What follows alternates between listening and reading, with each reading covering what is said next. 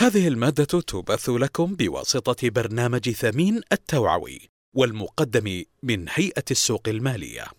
يهدف البرنامج إلى رفع مستوى الثقافة المالية والاستثمارية، حيث يقوم بتقديم رسائله التوعوية عن طريق الكتيبات والفيديوهات والمنشورات المنوعة، بالإضافة إلى اللقاءات وورش العمل. ولمعلومات أكثر عن البرنامج يمكنكم زيارة موقع ثمين الإلكتروني ثمين.org.sa والآن نترك مسامعكم مع الكتيب التالي القوائم المالية. القوائم المالية هي عبارة عن مجموعة من البيانات المالية الخاصة بمنشأة ما يتم عرضها على شكل تقارير مكتوبة وتحتوي غالبا تلك التقارير على معلومات عن الدخل وما يتضمنه من إيرادات ومصروفات ومعلومات عن المركز المالي وما يتضمنه من ممتلكات والتزامات ومعلومات عن نتائج عمل المنشأة سواء كانت ارباحا أو خسائر حيث تساهم تلك التقارير المالية وما تتضمنه من معلومات بتوضيح الحالة المالية للمنشأة في وقت ما أو خلال فترة محددة من الزمن. وبعبارة أخرى فإن القوائم المالية تعد الوسيلة التي تقوم المنشاه من خلالها بتوصيل المعلومات المالية لمستخدمي هذه القوائم. تهدف القوائم المالية إلى توفير معلومات مالية عن المنشاه المعدة تكون مفيدة للمستثمرين والمقرضين والدائنين الآخرين الحاليين منهم والمحتملين في اتخاذ قرارات حول تقديم موارد للمنشأة. وتنطوي تلك القرارات على شراء أو بيع أدوات حقوق الملكية وأدوات الدين أو الاحتفاظ بها وتقديم أو تسوية القروض والأشكال الأخرى من الائتمان. تعد القوائم المالية باستخدام لغة مشتركة بين معدي القوائم المالية تسمى المعايير المحاسبية. أنواع القوائم المالية قائمة المركز المالي قائمة الأرباح أو الخسائر والدخل الشامل الآخر. قائمة التدفقات النقدية. قائمة التغييرات في حقوق المساهمين. بالإضافة إلى القوائم المالية الأربعة أعلى تتضمن القوائم المالية على الإيضاحات حول القوائم المالية الإيضاحات والتي تعد جزءا لا يتجزأ من القوائم المالية حيث تتضمن تلك الإيضاحات على تفاصيل حيال ما تتضمنه القوائم المالية الأربعة وذلك بشكل سردي وتفصيلي أكثر. تنقسم القوائم المالية بحسب الفترات إلى قسمين قوائم مالية أولية وقوائم مالية سنوية. حيث تغطي القوائم المالية الأولية فترة زمنية تقل عن سنة. في الغالب تكون بصفة ربعية كل ثلاثة أشهر. نصف سنوية كل ستة أشهر. أما القوائم المالية السنوية تخص كاملة اثني عشر شهرا. وفيما يتعلق بالقوائم المالية الأولية قد تتضمن مجموعة كاملة من القوائم المالية أو مجموعة مختصرة. اولا قائمة المركز المالي. قائمة المركز المالي تمثل تصويرا لحقوق والتزامات المنشأة في تاريخ معين. وتشمل قائمة المركز المالي على أصول المنشأة موجوداتها وخصومها التزاماتها وحقوق مساهميها. ويمكن تلخيص العناصر الثلاثة التي يكون مجملها قائمة المركز المالي للمنشأة على النحو التالي. أصول المنشأة موجوداتها خصوم المنشأة التزاماتها حقوق المساهمين. الأصول تساوي الخصوم زائدا حقوق المساهمين. الأصول الموجودات. هي منافع أو موارد اقتصادية تسيطر عليها المنشأة بحيث تساهم في توفير منافع اقتصادية مستقبلية كإنتاج السلع أو تحقيق عوائد أو المساهمة في تحقيق العوائد للمنشأة. ويمكن للمنشأة أن تتملك اصولا تماما كما يتملك الفرد اصولا. ومن أمثلة الأصول الموجودات عند المنشأة ما يلي النقد المخزون العقارات. أصول غير ملموسة مثل علامات تجارية استثمارات في منشآت أخرى. الخصوم الالتزامات. هي التزامات مالية نشأت على المنشأة حيث يعد الالتزام واجبا للدفع إلى أطراف أخرى. ولدى معظم المنشآت حتى الرابحة منها التزامات. ومن أمثلة الخصوم الالتزامات على المنشأة ما يلي. مصاريف مستحقة الدفع. قروض من البنك. حقوق المساهمين. هي الحصة المتبقية في أصول المنشأة بعد طرح جميع التزاماتها. حقوق المساهمين تساوي الأصول ناقصا الخصوم. ويمكن القول أن حقوق المساهمين هي الأموال التي يستثمرها مالكو أسهم الشركة بالإضافة إلى أرباح أو خسائر الشركة المتراكمة منذ إنشائها. وفي بعض الأحيان تقوم الشركات بتوزيع تلك الأرباح بدلا من الاحتفاظ بها ويطلق على هذه العملية توزيعات الأرباح. ثانيا قائمة الأرباح أو الخسائر والدخل الشامل الآخر. تنقسم هذه القائمة إلى قسمين. أولا قائمة الأرباح أو الخسائر. وهذه القائمة تعرض الإيرادات والمصروفات المعترف بها عن الفترة المالية للوصول إلى صافي الدخل أو صافي الخسارة. وتعرف أيضا بقائمة الدخل.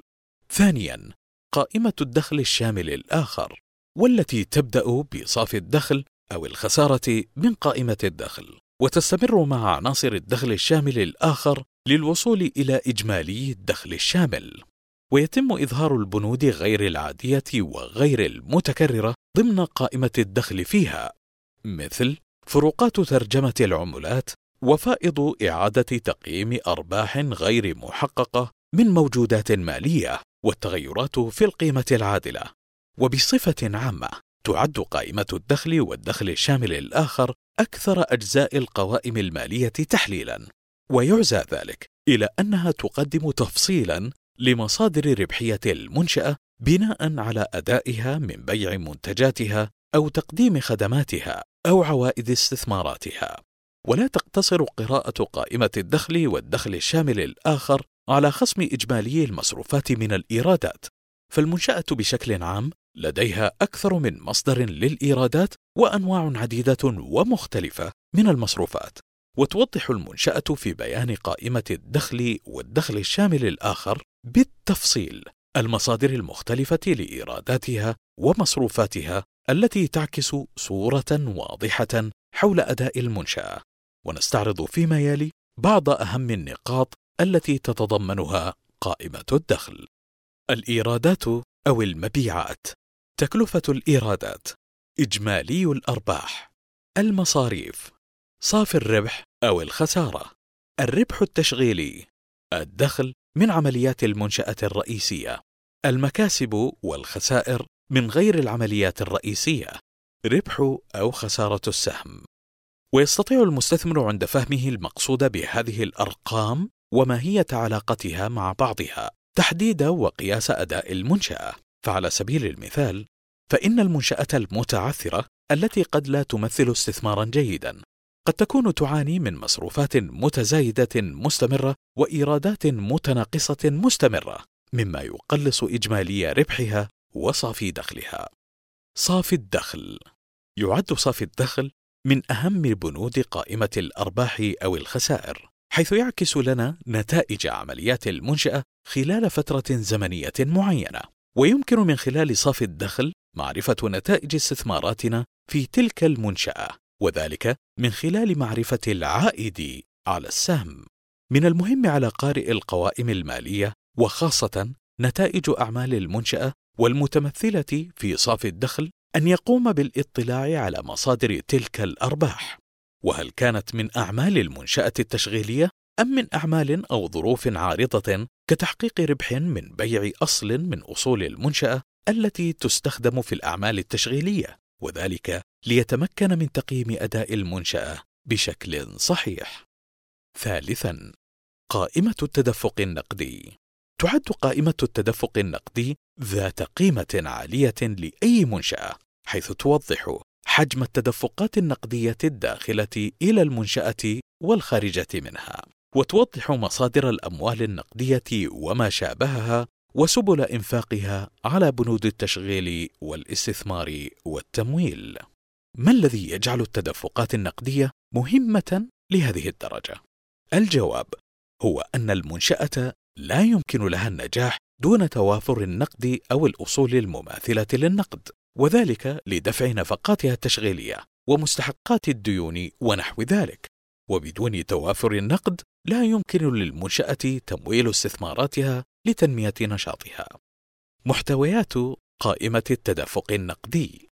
صافي النقد من الأنشطة التشغيلية ويوضح حجم التدفقات النقدية من أو المستخدم في أنشطة المنشأة التشغيلية مثل التدفقات النقدية من الإيرادات.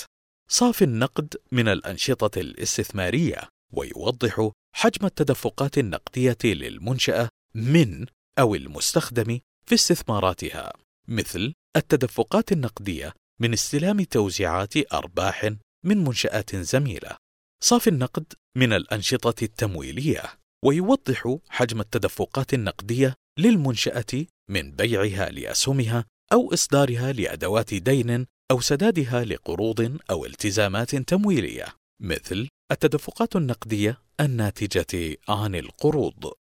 ما هي أهم البنود التي يجب النظر لها في قائمة التدفقات النقدية؟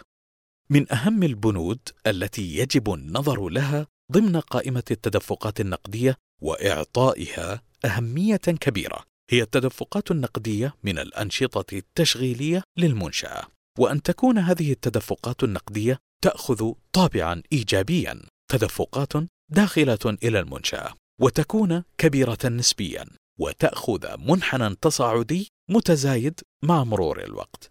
وبغض النظر عن مستوى التدفق النقدي المتحقق للمنشأة، فمن المفترض التدقيق في الفئات الثلاث الواردة في قائمة التدفق النقدي وهي الأنشطة التشغيلية والإستثمارية والتمويلية وأن يحاول المستثمر معرفة الأنشطة التي تدر على المنشأة أكبر كمية من التدفقات النقدية والكيفية التي يتم بها توظيف هذه التدفقات وبهذه الطريقة يمكن أن يساهم ذلك بمساعدة المستثمر بتوقع أداء المنشأة المستقبلي. يجدر الانتباه إلى أن وجود أرباح عالية لدى المنشأة لا يعني بالضرورة تدفقا نقديا موجبا إذ من الممكن أن توجد بنود في قائمة الأرباح والخسائر ترفع الأرباح وهي ليست نقدا كما يمكن أن توجد في أحيان أخرى تدفقات نقدية سالبة لا تعطي انطباعا سيئا عن أداء المنشأة إذا استخدمت المنشأة مبالغها في شراء أصول استثمارية تدعم التوسع في نشاطها لتحقيق أداء مستقبلي جيد. رابعا قائمة التغييرات في حقوق المساهمين تعرف حقوق المساهمين بأنها الالتزامات المستحقة على المنشأة تجاه صاحب المنشأة الملاك. ويتم إعداد هذه القائمة لمعرفة التغيرات التي طرأت على حقوق أصحاب المنشأة خلال الفترة أو السنة المالية حيث تزداد حقوق المساهمين بزيادة رأس المال وبالأرباح المبقاة وتقل حقوق المساهمين بتخفيضات رأس المال والخسائر وبتوزيعات الأرباح.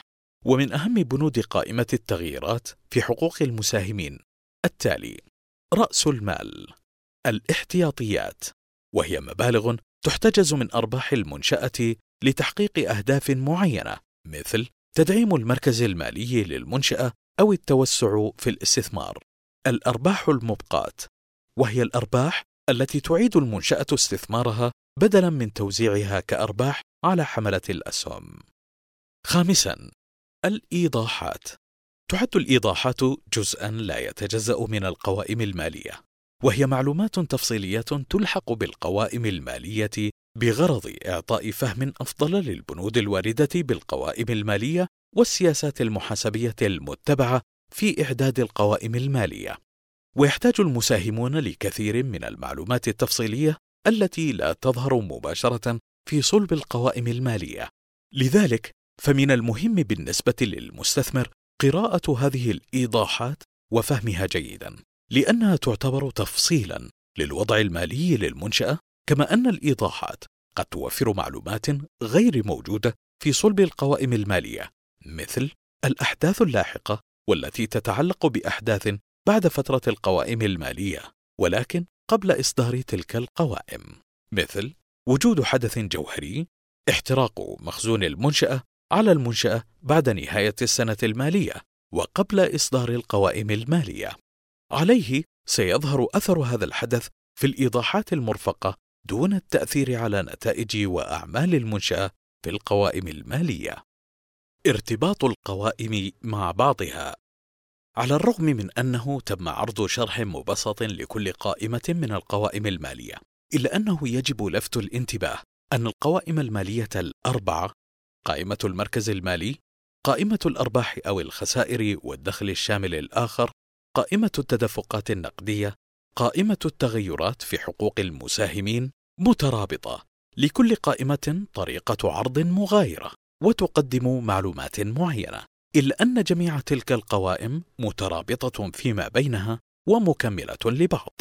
حيث تنعكس التغيرات في الأصول والخصوم التي تظهر في قائمة المركز المالي على الإيرادات والمصروفات في قائمة الأرباح أو الخسائر، مما يترتب عليه وجود أرباح أو خسائر على المنشأة، وتوفر قائمة التدفقات النقدية معلومات إضافية حيال الأصول النقدية المدرجة في قائمة المركز المالي.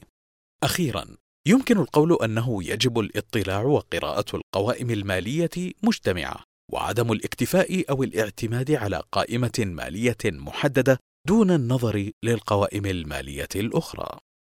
تقرير المراجع الخارجي عن القوائم المالية يجب أن يكون تقرير المراجع في شكل تقرير مكتوب، ويكون لتقرير المراجع عنوان يشير بوضوح إلى أنه تقرير المراجع مستقل وأن يتضمن التقرير رأي المراجع وما إذا كانت القوائم المالية التي أعدتها المنشأة قد تم إعدادها من جميع الجوانب الجوهرية وفقا لإطار التقرير المالي المعتمد. أنواع الآراء الخاصة بالمراجعين الخارجيين. رأي غير معدل. يبدي المراجع الخارجي رأيا غير معدل عندما يستنتج أن القوائم المالية معدة من جميع الجوانب الجوهرية وفقا لإطار التقرير المالي المنطبق. وقد يتضمن الرأي الغير معدل على فقرة لفت انتباه أو فقرة أمر آخر حيث قد يرى المراجع الخارجي أنه من الضروري لفت انتباه المستخدمين لأمر ما تم عرضه أو الإفصاح عنه في القوائم المالية والذي يشكل أساسا لفهم المستخدمين للقوائم المالية فيجب عليه أن يضمن في تقريره فقرة لفت انتباه. وإذا رأى المراجع الخارجي أنه من الضروري الإبلاغ عن أمر آخر بخلاف الأمور التي تم عرضها أو الإفصاح عنها في القوائم المالية ذات الصلة بفهم المستخدمين للمراجعة فيجب عليه أن يضمن فقرة أمر آخر. رأي معدل. يبدي المراجع الخارجي رأيا معدلا. في حال كانت القوائم المالية أو أحد بنود القوائم محرفة بشكل جوهري أو في حال عدم مقدرته على الحصول على ما يكفي من الأدلة للمراجعة. والآراء المعدلة هي رأي متحفظ أو رأي معارض. امتناع عن إبداء الرأي. ويعتبر تقرير المراجع الخارجي من الأمور الهامة التي يجب على المستثمر قراءتها وفهم ما يرد فيها من فقرات ليتمكن من اتخاذ القرار الاستثماري المناسب له.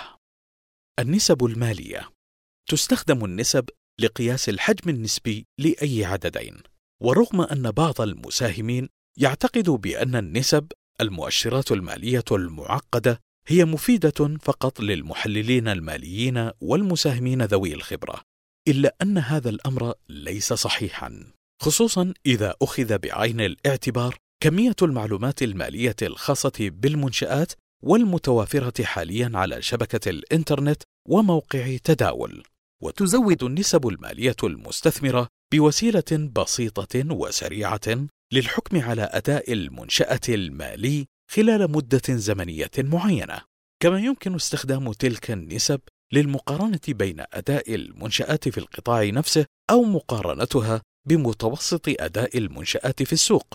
ومع وجود العديد من هذه النسب أو المؤشرات عند المحللين إلا أن معظمها يعبر عنها إما في شكل نسب مئوية أو مضاعف رقمي وحيث أن المنشآت تتباين بالنسبة لأعمالها والخدمات التي تقدمها وفقا لاختلاف قطاعاتها فإن بعض النسب المالية تصبح أكثر مصداقية في وصف أداء قطاع مقارنة بغيره من القطاعات. فمثلا قد تفسر إحدى النسب المالية بالتفصيل أداء المنشآت المصرفية بينما لا يعطي استخدامها الوضوح نفسه فيما يتعلق بالمنشآت الزراعية وفيما يلي بعض أهم النسب التي يستخدمها المحللون والمستثمرون. النسب المالية. أولا نسبة السعر إلى الربح P/E لتفحص ربح المنشأة منسوبا إلى سعر سهمها. يقوم المستثمرون بالنظر إلى ما يسمى نسبة السعر إلى الربح P/E ويتم الإشارة إلى نسبة السعر إلى الربح في المنشأة أحيانا بالمضاعف ولحساب المضاعف يقسم سعر السهم السوقي على ربح السهم الموجود في قائمة الدخل. السعر الحالي تقسيم ربح السهم يساوي نسبة السعر الحالي. تشير نسبة السعر إلى الربح P/E إلى المستوى السعري الذي يرغب المستثمرون دفعه لكل ريال من الأرباح الحالية للمنشأة، كما تشير إلى المدة الزمنية اللازمة لتغطية المبلغ الذي دفعه المستثمر لشراء السهم على افتراض تحقيق المنشأة لنفس العائد في الأعوام المقبلة.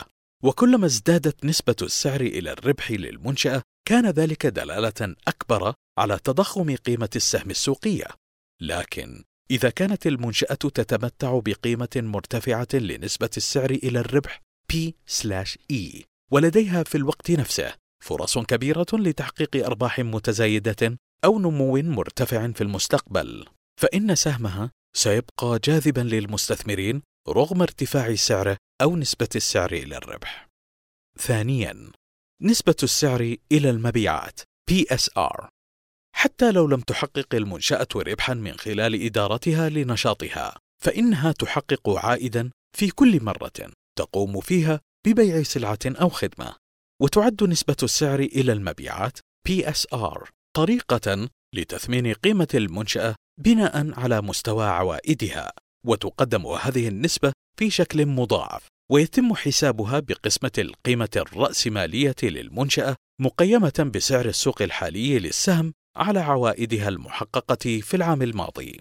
فعلى سبيل المثال، إذا كانت القيمة الرأسمالية للمنشأة بسعر السوق الحالي تبلغ 100 مليون ريال، 20 مليون سهم مضروبا في خمس ريالات لكل سهم وبلغت مبيعاتها لآخر 12 شهرا 300 مليون ريال فإن نسبة السعر إلى المبيعات PSR تعادل 100 مليون تقسيم 300 مليون يساوي 0.33 القيمة الرأسمالية الحالية للمنشأة تقسيم عوائد المبيعات عن العام الماضي تساوي نسبة السعر إلى المبيعات. كلما انخفضت نسبة السعر إلى المبيعات PSR كانت قيمة الاستثمار في المنشأة أفضل. ويعتقد معظم المحللين أن على المستثمر البحث عن نسبة سعر إلى المبيعات دون 0.1 عند الاختيار بين مجموعة من المنشآت بغرض الاستثمار في إحداها. ثالثاً، نسبة السعر إلى القيمة الدفترية P/B تقارن هذه النسبة سعر سهم المنشأة المساهمة السوقي بقيمة سهمها الدفترية P/B ويمكن للمستثمر حساب القيمة الدفترية للسهم الواحد من خلال قسمة حقوق المساهمين الأصول ناقصا الخصوم على عدد أسهم المنشأة المصدرة. فعلى سبيل المثال لو افترضنا أن المنشأة أظهرت في قائمة مركزها المالي بأن لديها أصولا بقيمة 200 مليون ريال وخصوما بقيمة 125 مليون ريال فإن القيمة الدفترية للمنشأة ستكون 75 مليون ريال وإذا كان هنالك 25 مليون سهم مصدر. فإن القيمة الدفترية لكل سهم ستكون ثلاث ريالات. قيمة السهم السوقية تقسيم القيمة الدفترية للسهم تساوي نسبة السعر إلى القيمة الدفترية. رابعاً: معدل العائد على حقوق المساهمين ROE يقيس معدل العائد على حقوق المساهمين ROE نسبة ربح المنشأة إلى حجم حقوق المساهمين فيها. ويحتسب بقسمة صافي دخل المنشأة على إجمالي حقوق المساهمين. فعلى سبيل المثال إذا كان صافي دخل المنشأة 400 مليون ريال وكان إجمالي حقوق مساهميها 800 مليون ريال فإن معدل العائد على حقوق المساهمين 0.5 أو 400 تقسيم 800 يساوي 0.5 صافي الربح تقسيم إجمالي حقوق المساهمين يساوي معدل العائد على حقوق المساهمين. بشكل عام كلما ارتفع معدل العائد على حقوق المساهمين دل ذلك على قوة أداء المنشأة ويعد دلالة واضحة على الإدارة الجيدة كون معدل العائد على حقوق المساهمين للمنشأة مع مرور الوقت متفوقا على متوسط معدل العائد على حقوق المساهمين للمنشآت. في القطاع نفسه. وربما يعكس أحيانا ارتفاع هذا المعدل ميل المنشأة بشكل كبير إلى تمويل نشاطاتها بالدين حتى مع تحقيقها عائدا ضعيفا على الموجودات. وعليه فمن الملائم أن ينظر لهذا المؤشر ضمن المؤشرات الأخرى دون معزل عنها. خامسا معدل العائد على الأصول. يمكن لمعدل العائد على الأصول أن يقدم للمستثمر فكرة حول أداء إدارة واستثمار المنشأة لأصولها أو موجوداتها. ويمكن احتساب معدل العائد على الأصول كما في المعادلة التالية. صافي الربح. تقسيم. إجمالي الأصول يساوي متوسط معدل العائد على الأصول. وبشكل عام كلما ارتفع معدل العائد على الأصول دل ذلك على كفاءة إدارة واستثمار المنشأة لأصولها. سادساً: نسبة التداول. تقيس نسبة التداول حجم النقد المتوافر لدى المنشأة في الفترة الحالية، ويمكن حساب نسبة التداول بقسمة الأصول المتداولة للمنشأة على الخصوم المتداولة. فعلى سبيل المثال، إذا كان لدى المنشأة أصول متداولة بقيمة 50 مليون ريال وخصوما متداولة بقيمة 33 مليون ريال فإن نسبة التداول هي 1.5 الأصول المتداولة تقسيم. الخصوم المتداولة يساوي نسبة التداول. بشكل عام إذا كانت نسبة التداول للمنشأة أكبر من واحد وأقل من اثنين فهذا يعني أن المنشأة مهيئة لتغطية التزاماتها ومصاريفها التشغيلية قصيرة الأجل. أما إذا كانت نسبة التداول أعلى بكثير فهذا ربما يدل على عجز إدارة المنشأة عن إعادة استثمار الأصول بغرض تنمية نشاطها، مما قد ينعكس سلبا على عوائد المنشأة طويلة الأجل. وكما أشير سابقا في الحديث عن النسب المالية، فمن المهم مقارنة نسبة التداول للمنشأة محل البحث مع نسب التداول لدى المنشآت المنافسة الأخرى العاملة في نفس القطاع. وكذلك مع متوسط نسب التداول للمنشآت العاملة في كامل القطاع. سابعا معدل السيولة يعد معدل السيولة مفيدا عند رغبة المستثمر معرفة حجم السيولة لدى منشأة مقارنة بأي من منافسيها. ويمكن حساب معدل السيولة بقسمة كمية النقد المتوافر لدى المنشأة في رصيدها الجاري في البنوك مضافا إليه الأوراق المالية القابلة للتحويل إلى نقد على خصوم المنشأة المتداولة ويمكن أن يكون معدل السيولة مفيدا عند مقارنة منشأتين صغيرتين ناشئتين تتمتعان بفرص نمو مرتفعة وتنخرطان في سلوك تنافسي حاد فإذا تساوت المنشأتان في كل شيء فإن المنشأة ذات معدل السيولة الأعلى تكون مهيئة بشكل أكبر للتفوق على منافستها الأخرى. النقد في الرصيد الجاري في البنوك زائدا الأوراق المالية القابلة للتحويل إلى نقد تقسيم الخصوم المتداولة يساوي معدل السيولة. ثمانية. نسبة السيولة السريعة. تحتسب نسبة السيولة السريعة بقسمة الأصول المتداولة مطروحا منها المخزون على الخصوم المتداولة وبطرح أرقام المخزون من الأصول المتداولة. يمكن المستثمر من معرفة مدى قدرة الشركة على تغطية التزاماتها المتداولة دون اللجوء إلى تصفية المخزون الذي تعد تصفيته خسارة كبيرة للشركة نظرا لكونه أقل الأصول المتداولة قابلية للتحويل إلى سيولة سريعة. الأصول المتداولة ناقص المخزون تقسيم الخصوم المتداولة يساوي نسبة السيولة السريعة. إلى هنا نصل إلى نهاية الكتيب. للمزيد من الكتيبات يرجى زيارة موقع ثمين الإلكتروني that are to the say.